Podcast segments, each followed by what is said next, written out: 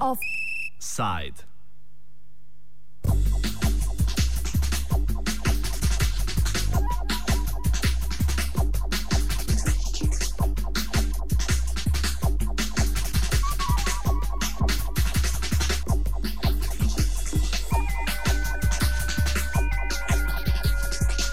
Dobar dan in pozdravljeni v Offsideu.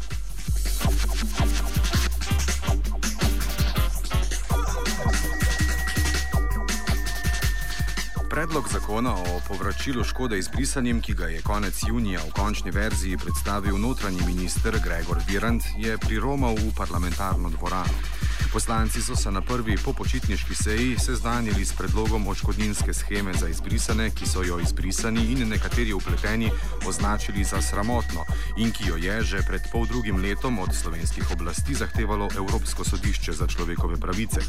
Preden pa preidemo v poslanske klopi, pa nas Katarina Vučko z Mirovnega inštituta spomni, na kakšen način si aktualne oblasti predstavljajo popravo krivic za izbris 25.671 ljudi iz registra stalnega prebivalstva februarja 1992 in kaj je pri tem najbolj problematično.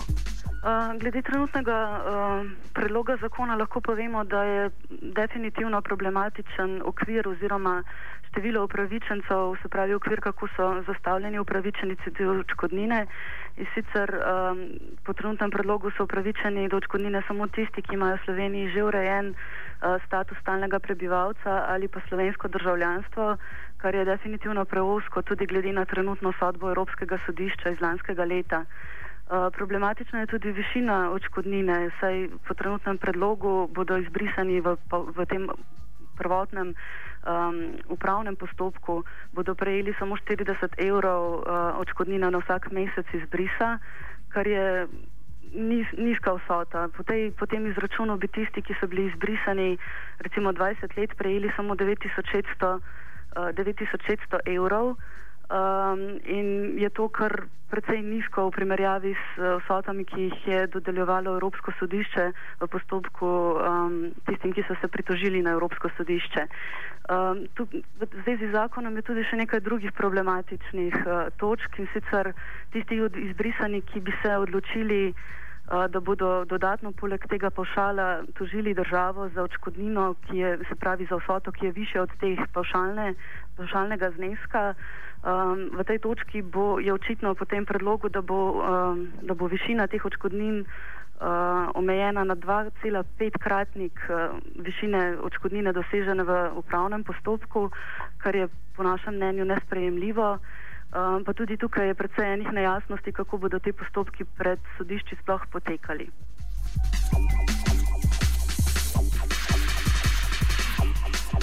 Poslanske skupine vladajoče koalicije so v prvem branju predlog očkodninske scheme brez izjeme podprle. Socialni demokrati sicer priznavajo, da predlog ni usklajen s prizadetimi, a kot pravi njihova poslanka Majda Potrata, na to računajo v nadaljni proceduri.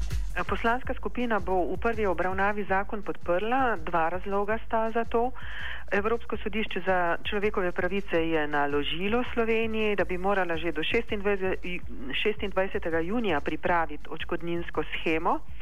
Drugo pa je, da menimo, eh, da je tako pripravljena, kot je, sicer neusklajena s prizadetimi, ampak verjamemo, da se bo v nadaljevanju postopka še dalo kaj popraviti.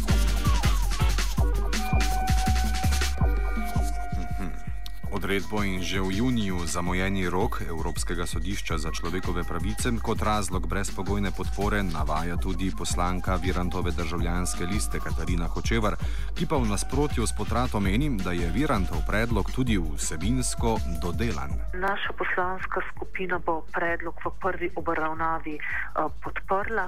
Mi menimo, da je skrajni čas, da se to uh, poglavje v slovenski posamosvojitveni zgodovini uh, zapre. Uh, preveč je bilo že razprav, oziroma preveč tega, da nekateri niso naredili tistega, kar bi mogli.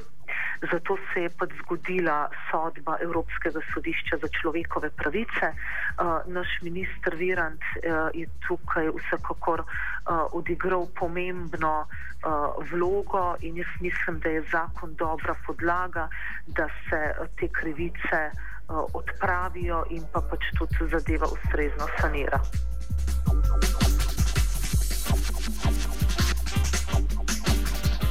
Izbrisani so predlagano očkodnino v višini 40 evrov za mesec izbrisam, kot tudi omejevanje višine očkodnine, če bi jo hoteli iztržiti po sodni poti, označili za smešno. Poslanske skupine vladajoče koalicije v večini dopuščajo na tem področju možne spremembe, po današnji razpravi pa se je za nov premislek o tej postavki načeloma zauzel tudi notranji minister Virant. Majda Potrata ob tem priznava, da konkretnejša stališča glede očkodnin socialni demokrati sicer niso zauzeli. V poslanski skupini se o višini nismo pogovarjali in uh, ne pristajamo na to, da nam kdo um, pripisuje, da smo kakorkoli mešetarili s um, višino očkodnine. Mi bi želeli pač, da bi bil um, dogovor med pripravljavcem zakona in med izbrisanimi čim bliže skupaj. No, rekli ste, da v poslanski skupini SD niste pristajali, mislim, niste upletali v to mešetarjenje v višini odškodnine. Pa vendar je ni ta, bi rekel, neka neopredeljenost okoli višine odškodnine v bistvu lahko tukaj ključna, ker vemo, da nekako da sta se oba predloga tako na eni strani izbrisanih in pa na drugi strani ta predlog eh, notranjega ministrstva oziroma ministra Viranta toliko eh, vsak sebi, da bi bil skupaj do nekega kompromisa? Mi smo se s predstavniki Amnesty International že dobili. Napovedujejo se nam tudi druge skupine izbrisanih in želimo slišati, kaj oni mislijo. Poleg tistega zneska 260 evrov na mesec, kaj bi za nje bila pri, primerna, morate razumeti to pogojno primerna um, očkodnina, ne? ker jaz sem prepričana, da vsak posameznik krivico zelo individualno doživlja in je težko govoriti, da je to zdaj odtehta um, storjeno krivico. Ampak uh, gre bolj za to, da država poravna uh, dolg do tistih, ki jim je storila krivico. Zdaj, to, kar vi mene sprašujete in pravite, da smo neutralni. Ne, jaz ne želim povedati tega, da smo neutralni. Mi samo ne moremo od pomoči temu, da se v preteklem času ni zgodilo tisto, kar smo vse čas podpirali, da bi morali že pri zasnovi zakona izbrisani sodelovati in bi laže potem prišli do končnega dogovora. Ne?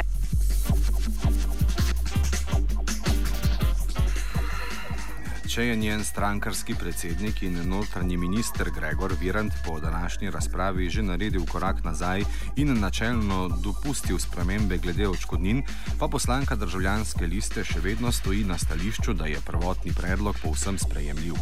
Ministr Virant se je z predstavniki izbrisanih sestav in ta višina očkodnine je bila v teh pogajanjih že zvišana iz 30 na 40 evrov za mesec izbrisa. Vsekakor je pa pač potrebno upoštevati tudi javno finančno sliko naše države in jaz mislim, da je njihov predlog, ko zahtevajo 600, 260 evrov za mesec izbrisa, to se pravi v višini socialne denarne pomoči pretiran in tega pač naše javne javne finance v tem trenutku uh, ne omogočajo. Ključno pa je, da je pri opredeljevanju upravičencev, da se pomembno zasleduje interes, ki so ga izbrisani od izbrisa dalje izkazovali za ureditev prebivanja oziroma svojega statusa v Sloveniji. Uh, in uh, jaz mislim, da je to tisti krok, uh, ki je res tudi do te očkodnine upravičen. Uh, in jaz pač upam oziroma verjamem, da uh, je tudi ta um, višina odškodnine zadostna, da se te krivice odpravijo oziroma nekako na en način poplačajo.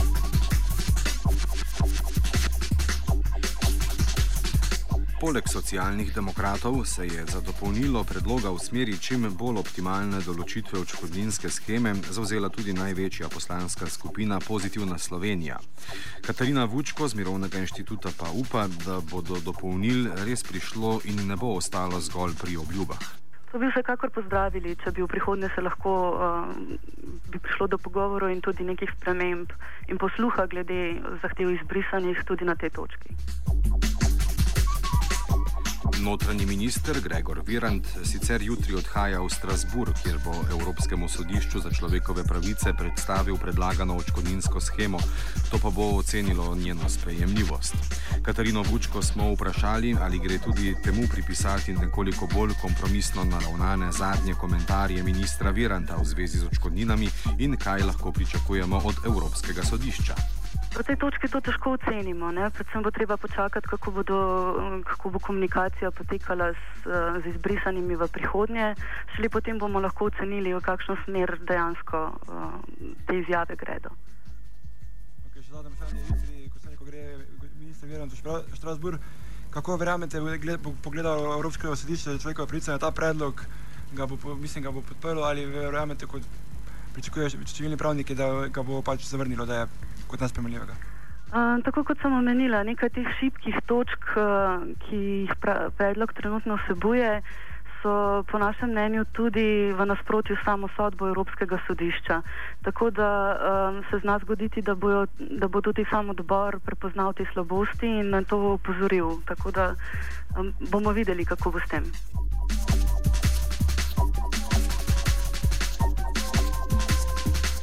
Državni zbor pa je obravnaval tudi predlog zakona o dohodnini, ki predvideva ukinitev usklajevanja dohodninske lestvice in olajšav z inflacijo. Kot poudarjajo v Zvezi svobodnih sindikatov, bo to vplivalo na višino neto plač, posledično pa bo vplivalo tudi na kupno moč in bo upočasnilo izhod iz krize. Govorili smo s predstavnico Zveze sindikatov za ekonomska vprašanja Andrejo Poje. Predlagani ukrep. Um, neusklajevanje vlešav in nitoletnih davčnih osnov v listici za odmero dohodnine se nam zdi neuzdržen. Dejstvo je namreč, da so plače v prvem polletju letos padle že za 0,7 odstotka nominalno in pa realno za 2,6 odstotka. Nadaljni ukrepi v smeri zmanjševanja plač in kupne moči uh, so zato neuzdržni. Znižanje neto plač bo imelo negativne posledice tudi na poslovanje gospodarskih družb, saj bo znižalo potrošnjo in s tem tudi prihodke podjetij. Lahko bi že končno sprejeli kakšne ukrepe za odpiranje novih delovnih mest in za ustvarjanje novih prihodkov. Lotili bi se lahko sive ekonomije, javnih naročil in odlivov v davčne oaze, namesto da na račun zmanjševanja neto plač zaposlenih pridobivajo 30 milijonov, uh, le 30 milijonov evrov v proračun.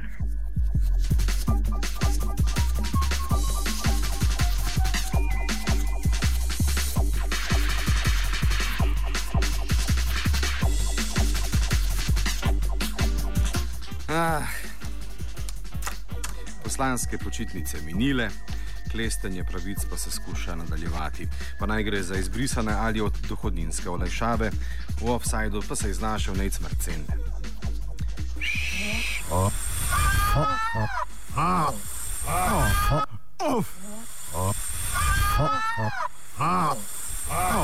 Offside.